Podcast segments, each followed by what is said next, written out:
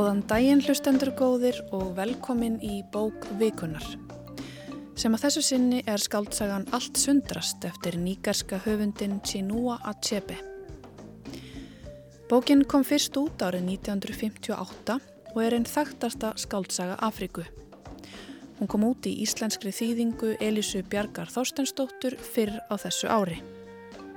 Allt sundrast eða Things Fall Apart eins og hún heitir á frumálinu hefur laungum verið talin einhver svo besta lýsing sem skrifuð hefur verið um lífið í Nýgarju við upphaf nýlendutímans þegar brettar náðu yfiráðum yfir ættflokka samfélagi landsins undir lok 19. aldarinnar.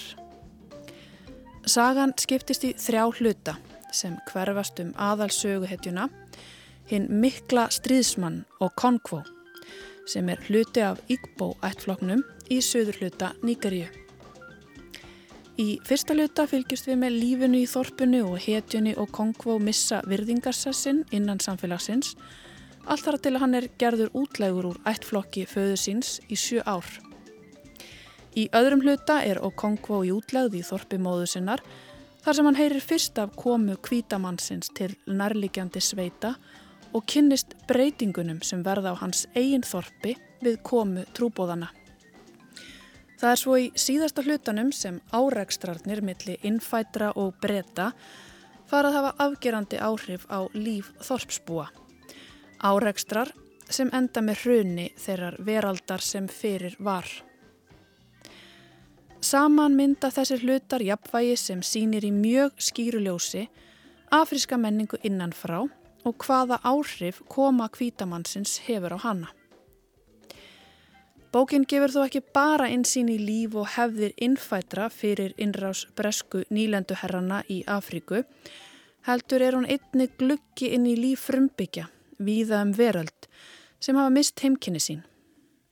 Hún lýsir því hvernig menningin sem fyrir er losnar upp eða sundrast við yfirtöku og kúun þeirra sem taka yfir. Hvernig kjarnilífsins, reglur samfélagsins og hverstasleikin sjálfur leysist upp og hverfur. Atsepe fættist í Níkarju árið 1930 og ólst upp á svæði Igbo ættflokksins við Igbo tungumálið en hann læriði ennsku í skóla. Sjálfur saðist hann hafa alist upp á krosskötum tveggja menningar heima. Atsepe var afbyrðanámsmaður í skóla og fekk styrk til að læra læknisfræði við háskólan í höfuborginni, Íbatan en fekk svo áhuga á trúabröðum og sagnahefð og útskrifaðist að lóku með próf í ennskum bókmentum. Hann hóf snemma að skrifa sögur og byrjaði stuttu eftir útskrift að vinna sem handritsöfundur hjá nýgarska útvarpinu, en fekk svo styrk til að sækja námskeið á vegum BBC í London.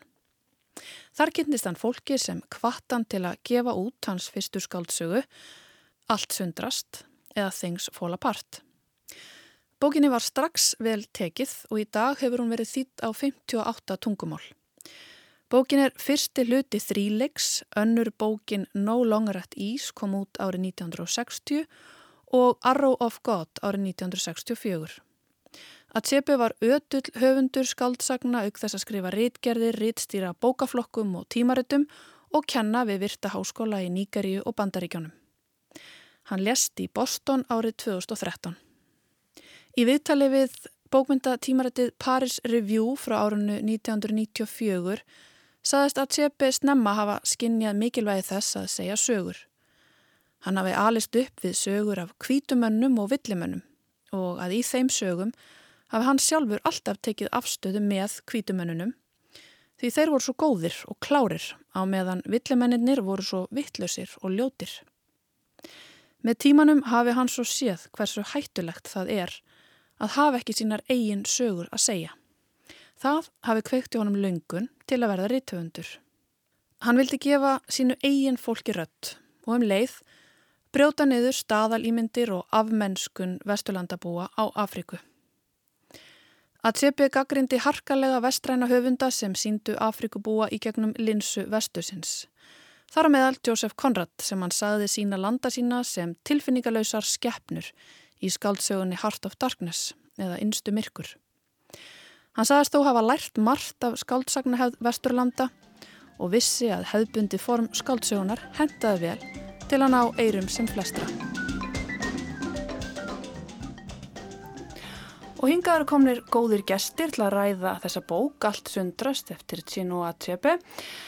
Gauti Krismásson, Þýðandi og Guðrún Baldvinsdóttir, bókmyndafræðingur, verið velkomin. Takk. Áður við byrjum að ræða bókina í þaula þá held ég að vera sniðut að myndum heyra örstuðt broturinni. Hlustum á Elisju Björgu Þorsteinsdóttur, Þýðanda, lesa upp af bókarinnar. Og Kongvo var velþektur í öllum þorpunum nýju og þótt víðar veri leitað. Fræðin byggðist á umtalsverðum afreikumans. Sem ungur maður, 18 ára gamall, hafði hann aflað þorpi sínu sæmdar með því að fella köttin Amalintse. Sá var mikill glímukappi og hafði verið ósegrandi í sjö ár, allt frá Umofja til Mbaino. Hann var kallaður kötturinn vegna þess að bak hans snerti aldrei jörðu.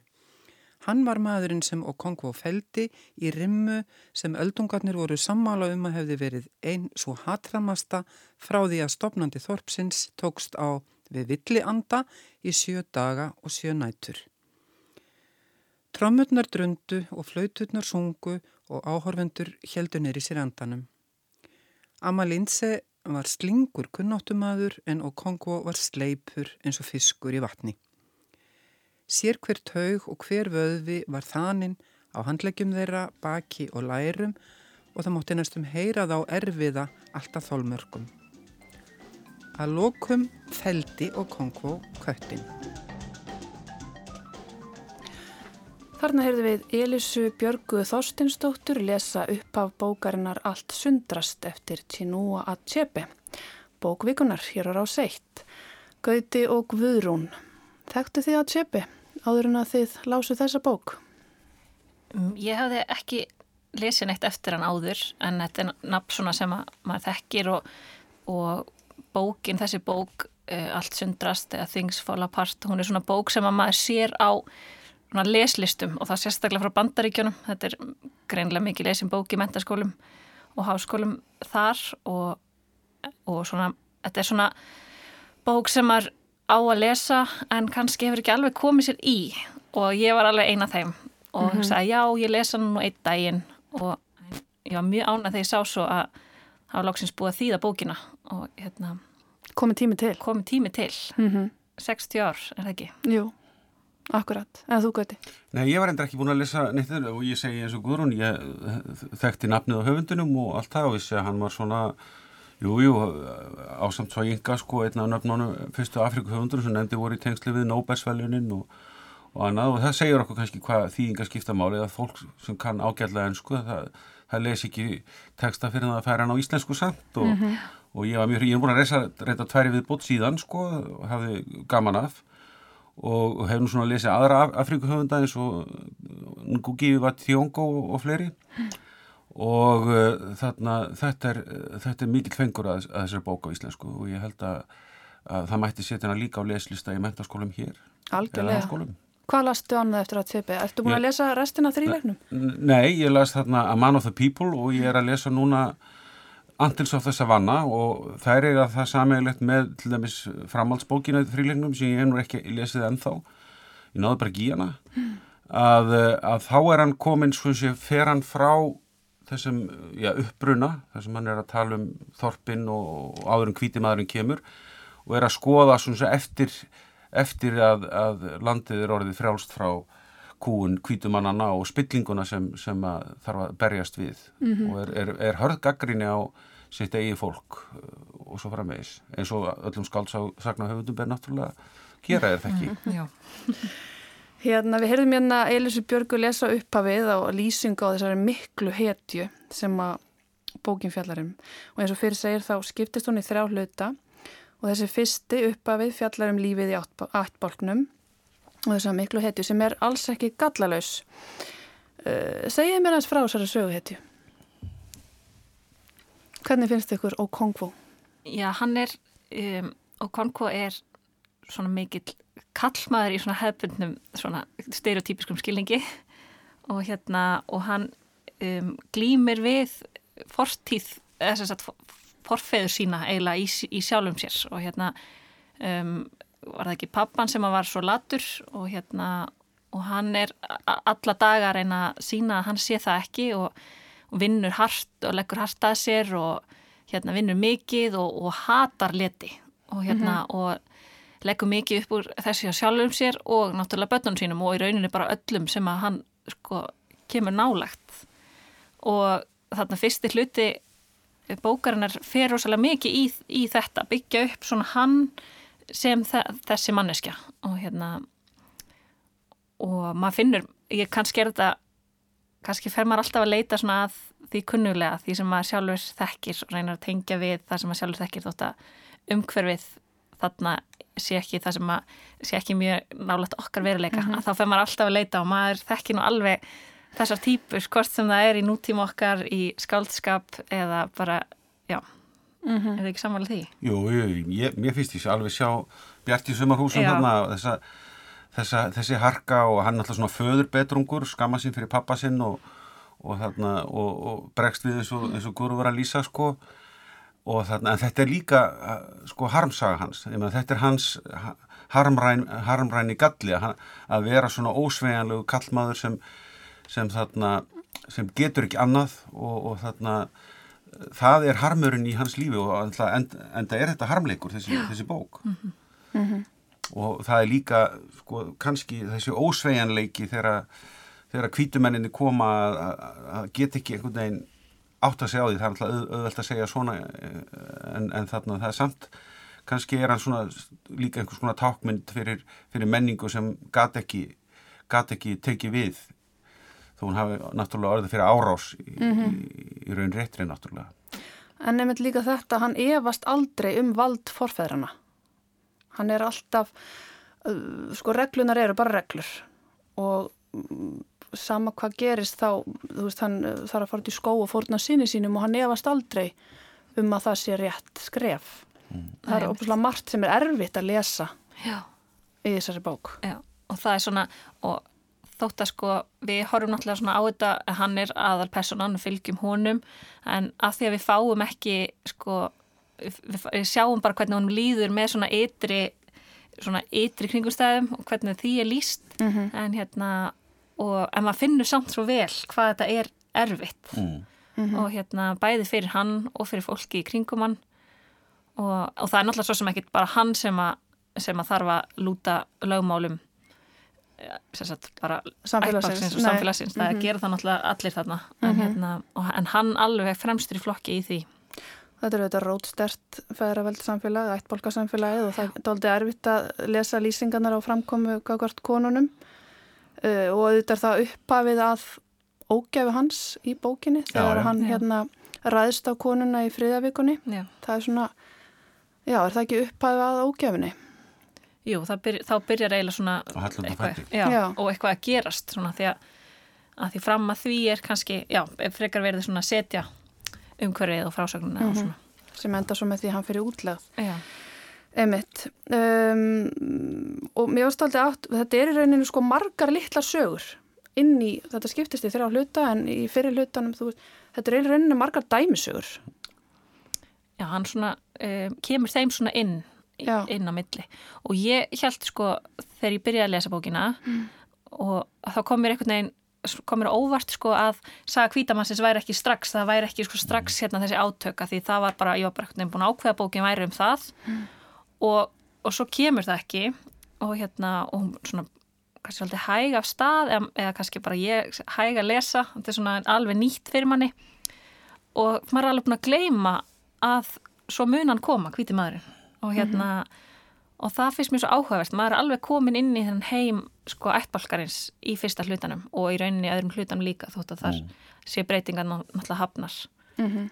Já, já, það, það, það þarf að sviðsetja þetta er svo framandi heimur já. held ég að, ég held að það hafa bara verið nöðsulegt svona bara fyrir hann sem til þess að geta skrifað afgangina, þá þurft hann að sviðsetja kom okkur í kynni við hefðir og og siði og, og hugmyndir fólksins sem, sem þarna lifði og þarna til þess bara við gætum botnað í því sem í framhaldinu hvernig fer fyrir honum og, og hans harmleik líka mm -hmm. í, mhm. í lífinu að, að þarna að, að við þurftum að fá þetta já, þessa, hvað maður segja, félagslegu samfélagslegu mynd bara að því að við getum ekki stokkið inn í, inn í þetta öðruvísi, það, það, það væri einum og verfitt sko. Mm -hmm. Og eins og Guðrún segir, maður er alveg komin inn í lýsingarnar er svo nákvæmar og maður kemst inn í eitthvað svona takt og svo allt í hennu kemur það aftan að manni þessar sögur á kvítamanninum svona lúmst Já, og það er samt ekkit það er, ekkit, það er, það er ekki gert neitt rosalega mikið úr því það er svona bara opnin sem er að,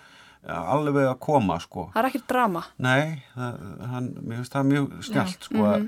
Það hefur verið hægt að búa til svona við og hinnir óvinninni komu og, og, og þarna drápa alla mm eða mhm. eitthvað og það er ekki það er bara, og þannig er náttúrulega gerðist það líka kvítimæður hann kom svona og smegði sér inn í og, og mm -hmm. svo mhm. framvegis tók mm -hmm. yfir það, það sem skip, máli skipti mm -hmm. Þetta eru mjög svona hlutlausar utanfrá lýsingar þú talar um það gauti í viðsjárpisli fyrir í vetur að þetta myndið á Íslendingasögunar þetta form? Já, þetta er svolítið, svolítið svona þessi, þessi framsetning á uh, fíkurum eins og Guðrún sagði sko maður sér aldrei inn í hann sko.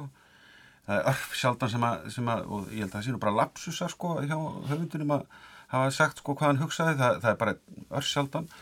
Yfirleitt sjáum við bara allt utanfrá. Mm -hmm. og það er svona svolítið eins og Íslandingarsónu, það er ekki verið að tjá okkur um, um hvernig, hvernig þú veist einhver hugsaði heldur hvað mann gerði og hvað mann sögðu mm. og þetta þetta svona Mér fannst uh, alveg, þetta, þetta er einhver, einhver tenging þarna sem ég, sem ég skinjaði og, og höfundur sem ég nefndi á hann Gugi Vationgo, hann saði mig sjálfur að, að, hann og fleiri Afrikumenn læsu Íslendingasöðuna miklu móði því, því þætti þetta svo hafa svo uh, þarna, svipaða hjartslátt og, og, og þeirra bókmyndir. Já. Þannig að Þannig að það er allavega einhvers konar tenging þarna og, og það, var, það var mjög auðvelt að, að, ná sambandi við þetta í forminu, maður þekkir þetta mm -hmm. að segja svona frá svona, svona þriði persónu sögu það sem að, það sem að bara aðtapninnar orð og æðu þetta er náttúrulega klassísk aðferða mörguleiti en, en þarna, þarna þetta, tekst þetta mjög vel og, og maður nær kannski meira sambandi við hann með því að vera ekki inn í höfðin á hann sko. mm -hmm. Nú talar um lapsus, ég tókum þetta eftir því að það var, það greip mjög einu stað þegar dóttir þeirra verið veik mm. og fyrsta eiginkonan fer út í skó þetta er stór saga í fyrsta hlutunum mm.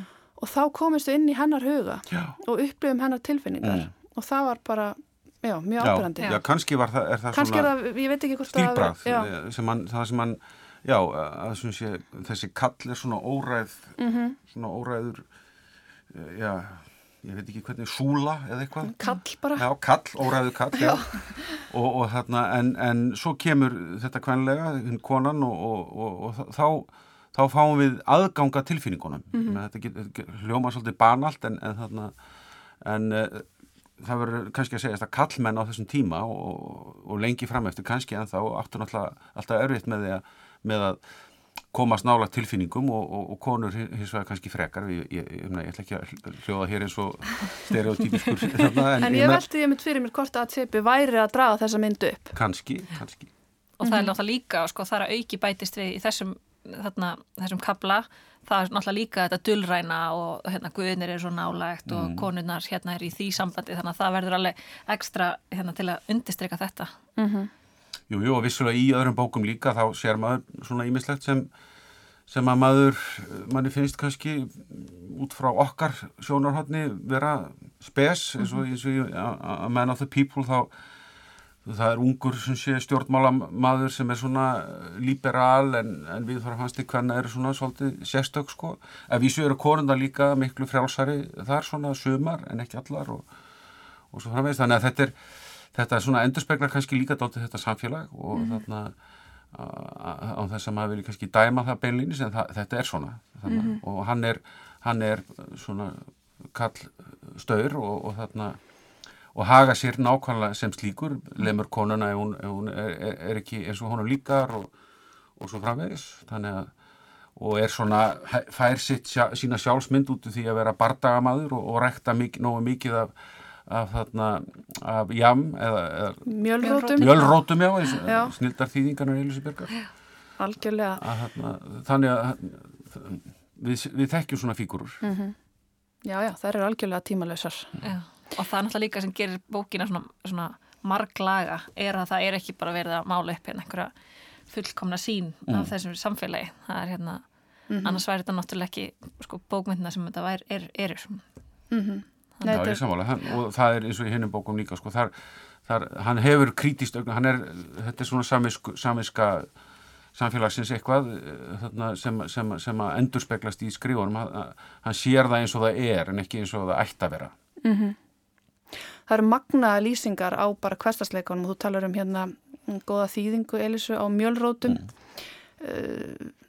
Googluðu þið á meðan voru að lesa? Ég var farin að sko googla uppskriftir og fúfú og allt Já, þetta. já, ég Já. googlaði heilmikið, það ve- veit ekki af. Tölum aðeins um þýðinguna. Hvað finnst ykkur um hana?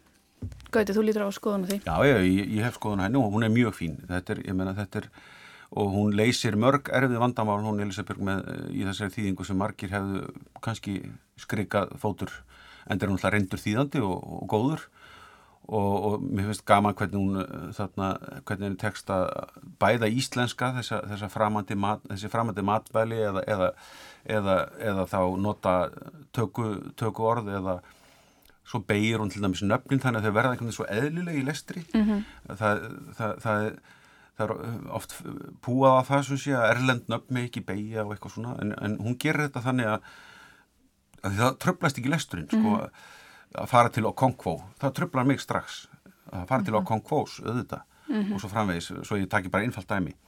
Þannig að það, mér, finnst, mér finnst henni takast þetta mjög vel og það er greinlegt að hún hefur unnið heimavinnuna sinni í rannsóknunum. Hún hefur öruglega googlað oftar en við, við öll til samans. Fúfúið og allt saman. Já. Heyrum örstuðt í Elisu. Uh, Hún kom í viðtal til okkar í Víðsjá í vikunni og ég spurði hana hvernig hefði gengið að þýða þessa bók. að það var fyrst og fremst ósalega gaman og ég var allan tíman að kljást vissulega við ímislegt og það eru þarna mál sem að þarf að leysa og best að gera það bara frá upphafi eins og í sambandi við framandi orð, hvernig, hvernig kemur maður þeim inn í íslensku, gerir maður það með því að setja á þau greini, í mínu tilviki já. E, það eru hlutir þarna, koma þarna fyrirbæri fyrir sem eru kannski í sambandi við siði og venjur, mat, ekki síst, sem að ég bara einfallega vissi ekkert hvað var og þurfti að leggjast í nokkrar uh, vangaveltur og spekulasjónir og uppflettingar og blessað sér googlið sá leðenda miðil en allavega það er sem sagt ég lærði greiðarlega mikið á þessu. Þetta var ósalega gaman. Ég er ekki að gera lítið úr þeim e, já, köllum það bara viðfangsefnum sem að urða á vegið mínum eins og ég segi, eins og í sambandi við framandi orð sem að þurfti bara reynlega að taka ákverðin um hvað er þið gert við. Í einu tilviki uh, þurfti ég reyndar að fengnum ráðleggingum frá félögum mínum úr mannfræði að bara búa mér til orð af því það var ekkert orð til sem að ég uh, sætti mig við. Já, þarna heyrðum við brotur samtali við Elisu Björgu Þorstensdóttir þýðanda um vinnun á baku þýðandan, þý, þýðinguna og orðið sem hún nefnir þarna, það er orðið heimalóð. Tókuðu ekki eftir þessu orði í textunum? Já. Jú, jú. Það er snildar þýðing. Já, alveg afbrastþýðing og, mm -hmm. og þarna, algjörlega, algjörlega gagsætt, maður skilur strax hvað þeim er að ræða og þarna og þó að, þó að kofin sé nefndur óbí þá, þá erum við samt, við, við sjáum myndina Já. af, af þessu litla þessari heimalóð með kofunum fjórum eða þreymur eða fjórum, ég manni hvort var, var ekki hver, þrjár konur og hver Jú. með sinn lítinn og hann með einn, Akkurat. rétt. Og svo þurfa allar eiginkonunar að gera kvöldmatt Já. og hann fer svona á milli kofana. Hvaða orð var er aftur uh, ennska orðið uh, heimalóð? Það var, nei, Nei. var, Ég veit það ekki. Ég er búin að gleyma þessu, það- ég, ég bar já. þetta ekki en, saman. reyndar. En það var það náttúrulega líka bara, þetta sagði allt sem segja þurfti, íslenska orðið. Og svo er það titillin, Allt sundrast. Hún er á frumálinu Things Fall Apart. Hvað finnst ykkur um þessa íslenskun? Mér finnst þetta mjög flottu titill. Ég hérna, eða þess að þý, flottu þýðing á titlinum. Mm. Af því að hann, þetta er svo sterkur titill og hérna á ennsku og mér finnst það næstum sterkari á íslensku sem að mér finnst ekki sko slæmt. Og já, Já, já, og hann tók þetta úr ljóði eftir William Butler Yeats og, og, og það er svona tilengun þarna og ég he- heyrði Elísu segja mitt frá því, Elísu Björga að það hefði nú verið svolítið snúið að því að það, það vantaði þýðingu á þetta sko og hún fekk þórarinn eldjátt til þess að snara þessari tilengun uh, í, í ljóð fyrir sig og, og þarna með þessum, með þessum titli og, og þetta hefur svona svolítið hann, hann, einhvers staðar sá ég nú að, að þarna, hann hefði nú viljað draga úr þessum miklu áhrifum en, en þarna Það verður mikið verið skrifað um þessi já, tilvísun. Já, það, það, svona, það er kannski daldið þessi hvít, hvíta, hvíta þarna sín sko, já hann er að vísa í okkur og eitthvað mm -hmm. svona en þarna, en þetta, ég held að þetta sé bara hann hafi bara fundið eitthvað sem var, sem var svolítið flott og þarna og uh, bergmálaði alveg, ég meina Yates upplýði náttúrulega páska uppreysnina og og ýmsa hluti sem sé var einnig mm -hmm. íbúi nýlendu þarna, þó, þó kvítur væri mm og Írlandi. Þannig að, þannig að ég sá nú það, það bara þótt að flott og þetta er flott. Virkilega, það vissi alveg hvað maður að gera. Mm. Þess að annar hlutin ef við höldum áfram með söguna uh, þessi mikla hetja fer í útlegð eins og margar hetjur í mhm. Íslandingarsögunum í útlegð til uh, ættflokks móðu sinnar. Og hérna og þar byrjar hann svona einmitt að heyra út undan sér af komu kvítamannsins og það gerist svona mjög lúmst uh, Mér langar að lesa hérna eina tilvitnun. Það sem hann er að ræða þessi hetja við vinsinn og hann spyr vinsinn Skilur kvítumadurinn eitthvað í okkar siðum í sambandi við landaregnir? Þá svarar hann Hvernig ætti hann að gera það þegar hann talar ekki eins og niður málið okkar? En hann segir að okkar siðir séu vondir og bræður okkar sem hafa tekið hans trú segja líka okkar siðir séu vondir. Hvernig heldur að við getum barist þegar okkar eigin bræður hafa snúist gegn okkur? Kvítumæðurinn er mjög snjall. Hann kom friðsamlega og með sína trú. Þetta finnst mér að segja þetta aldrei mikið. Þetta er náttúrulega sko upphafið að, að nýlendu kúna Afríku var náttúrulega trúbóð. Og, og líka sko eðileggingu menningarinnar þarna í, í, í Afríku og, og til dæmis bara í tungumálunum þetta hefur nú skoðaðins og, og þekki til mm. að, að sem sé það er oft talað um að séu svo óbúðslega mörg tungumál í Afríku. En málið var bara það að það kom einhver trúbóði frá Hollandi hér og annar frá Belgíu þar og svo fjóriði frá Ítalíu eða eitthvað. Og þeir voru að láta þýða biblíuna á mál sem ekki var til að réttmál og það var búið til nýtt réttmál á hverju, hverju einasta þorpi láfið og síðan sundraðist sem sé eh, sund, og sundraðist mm -hmm. sem sé menningarheldin, tungumálaheldin sem var til auðvitað voru mállískur og, og, en, en þetta var samt sem aður tungumál sem fólk skildi þó það talaði ekki alveg eins á stórum svæðum. Og þar með, þar með náttúrulega var, var heldin orðin sko, brot, brotakendar mm mm -hmm. og sama gerist síðan náttúrulega með, með þeirra búið að kristna hluta við búinum og, og ekki aðra þá, þá koma átökum um bara hefðirnar og tradísjónnar og, og svo náttúrulega eins og kemur fram hann í sögunni bara beinlýnis með eignarhald og, og svo framvegis mm -hmm. og náttúrulega svo áhugavert að sem að ég átti að með hjá þegar ég byrjaði þessa bókina að, að hún náttúrulega gerist þegar að þetta svæði er nú þegar orðið að nýlandu og, hérna, og þá náttúrulega það er ekkit verið að spurja íbúana hvort þeim vilji verða, nýlenda, verða nýlenda. Þannig að hérna og að sjá þetta svona frá þessu sjónarhóttni að sjá þetta og maður er komin algjörlega inn í þeirra heim eftir að hafa lesið fyrsta hlutan og að sjá svo kvítamannin svona framhandgerðan alveg já, já. á snildalegan hátt. Já, kalla hvaða holdsveikir voru þeir kallaðir. Eins og kalk. Mm -hmm. Já, já, þeim líti, líti ekki heilsusamlega út Nei, nei. Ég fannst þeir bara eins og kemur fram í bókinni þeir, þeir tóku náttúrulega upp þessa jáðarinstaklinga mm. þú veist, fólk sem var ekki alveg samþitt af ættfloknum og fengu þá fyrst til sín í, í trúflokkin og ég minna, þeir litu bara á þetta fólk sem klikkað mm. og hefði enga trú að það myndi taka yfir taka völdin sko með að það koma mjög svona stert fram já. þannig að ég sem öðru hluta þó hans er stuttur sko mm -hmm. að hérna En um leið er þetta, er þetta einhvern veginn harmur og konkos og þessara menningar, hún er líka einhvern veginn í krísu eins og, eins og eða mér finnst, finnst örlu á konkos svolítið, sé það sé ekki bara áhrif kvítamannsins heldur Já, kannski það er alltaf kannski mjög tákgrænt að útleðin er út af eh, skambissu sem er bíluð sem, sem springur, mm -hmm. þetta var ekki svona ásetningur sko. Og þarna, þannig að uh, það endar eins og það endar af því að, af því að það er eitthvað, einhverja brotalanir komnar líka. Og en en þarna En það er spurning það- hvort að það hafa verið fyrir eða hvort að það veikist svona samfélagi. mm, og náttúrulega sérstaklega því hann fer í útlega þessum tíma og kemur tilbaka svo í gamla ættbálkin sinn. Og menna, eins og gerist kannski alltaf á sjö árum að þá verða náttúrulega breytingar, það er alltaf erfitt að koma tilbaka. Og hérna og svo er þetta að hvítumann hafi komið einhvern veginn þarna leggst ofan á. Og hann sko er svona einmitt sá íhald samasti sem að verður hérna alltaf erfiðast. Mm. og mótstóðaflið er, er, er þorrið einhver leiti En já, en hann saði líka sjálfur að sepa, hann er hérna fættur 1930, töluvert eftir að landi varð nýlenda og foreldrar hans voru kristnibóðar. Þannig að hann sérst, hefur þessa báða hliðir, hliðar og þau ferðist um landi sem kristnibóðar en af hans og amma byggu alla tíð í þorpinu sem að hann ólst upp í sem barn uh, og heldur fast í sína menningu.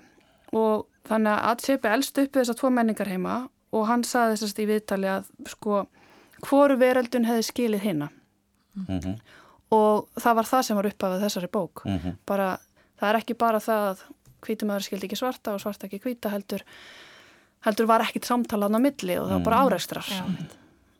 já, já, það er en mér finnst það einmitt sko svo magnað eins og þegar ég talaði minna áður að það, hann einmitt dregur ekki upp þessa svartkvítu mynd. Nei, nei. og kannski er það einn af styrkum þessari bókar, ég veit það ekki. Já, já, sjálfsögða, það er ekki gott að vera með svartkvíta sögu, sko. Þá hún Hún og fjallar hvíta. Ég meina, þarna, það er, eh, og það er náttúrulega, eða mér finnst í, í hans fígúru og, og reynda líka í, í sem sé, eins og í kvennfígúrunum sem eru, sem eru mis, mis, sko, mjög mismunandi. -hmm. Þar, þar fáum við svona kannski fjölbreytnina sem, sem ekki er að finna í, í, í, í kallinum og, og svona aðlugunarhefni eh, og, og, tilfinningar og allt það sem, sem, sem þær og, þekkingu.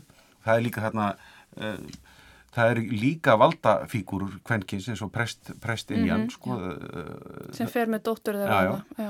þannig að það er ekki, það er ekki alveg svartkvít heldur þar, sko, en, en þarna Nei, nei, konur hafa ákveðin völd þarna þetta líka í þorpinu. Já, og það er bara ákveðin verkaskipting sko Já, já.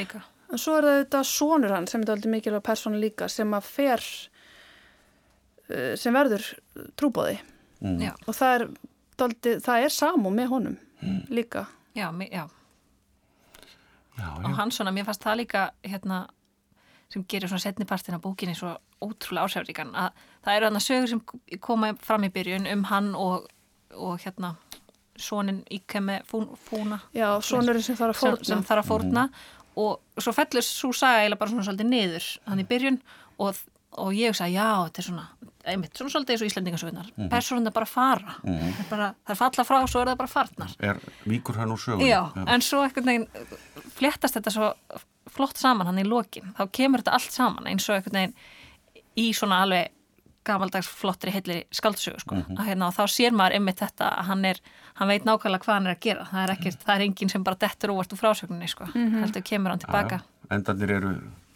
teknir saman og, og þetta er mér finnst þetta svona klassíst vel frá gengin saga sko.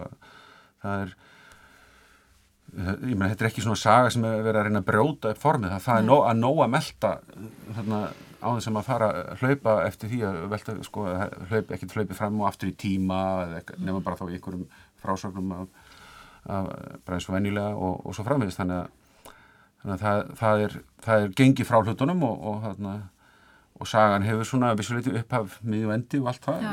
og bara alveg klassíst og það bara það virkar bara ágætlega fyrir þessa sögu og þessa fígurur Mhm. Og endurinn er ansi magnaður, það verður að segjast. Þegar breski síslumæðurinn kemur að hetjunni út í skógi, ég vona að það sé lægi að segja hérna, mm -hmm. það sem að ekki hann vera hefur, gleðispillir en það sem smættar líf þessa mikla stríðsmanns niður í eina setningu já, einmitt og sem að hann sem sagt þessi síslumæður ætlar að skrifa bók fyrir Vesturlandabúa sem á að heita Friðun hinna frumstæðu ættbólka við neðra nýgarfljót. Þetta er ansið dramatískur endir. Já, og þetta er sem sé loka hnykkurinn á því að taka bæði fólkið og menninguna yfir og sundræni svo má orðið komast já skilja eftir í einni setningu sem kemur kemst yfir hafið Já, þessi bók á að vera ymmit það sem að Tsepi gaggrindi sjálfur svo harkalega sem er sín vesturlandabúa á framandi siði mm. án nokkurar mennsku. Mm. Já. Já, ég held að það sé hafi hefnast fullkomlega. Mm -hmm. Þetta er eiginlega hálgir dæmisaga, hvað veist ykkur? Um, já og nei, sko. Dæ, dæmisa, orðið dæmisa hefur kannski svona eitthvað, maður mað tengir eitthvað smá slemt við það því það er oft svona eitthvað sem er einfalt. Mm. En hérna því bókin er þannig alls ekki, eins og við talaðum. En En hún áhegilega við allar nýlendu þjóður. Já, þetta er svona, það er ákveð, hérna, hann er að segja náttúrulega ákveða sögu og, og hann er að tala um bara hvernig við höfum smætta sögu bara ótal menningar heima mm. niður í hérna einhverjar stutta frásagnir. Mm -hmm.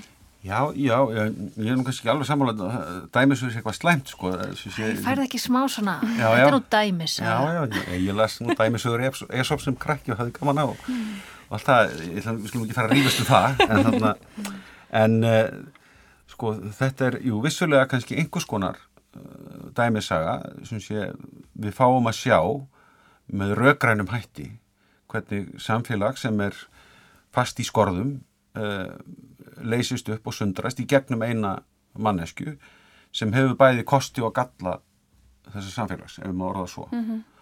og þarna að þýlega til en ég meina Jú, eh, það geti einhver skrifað sögu okkar síðustu 40 ára og það er alltaf sundrast, ég meina ég er aðeins eldri.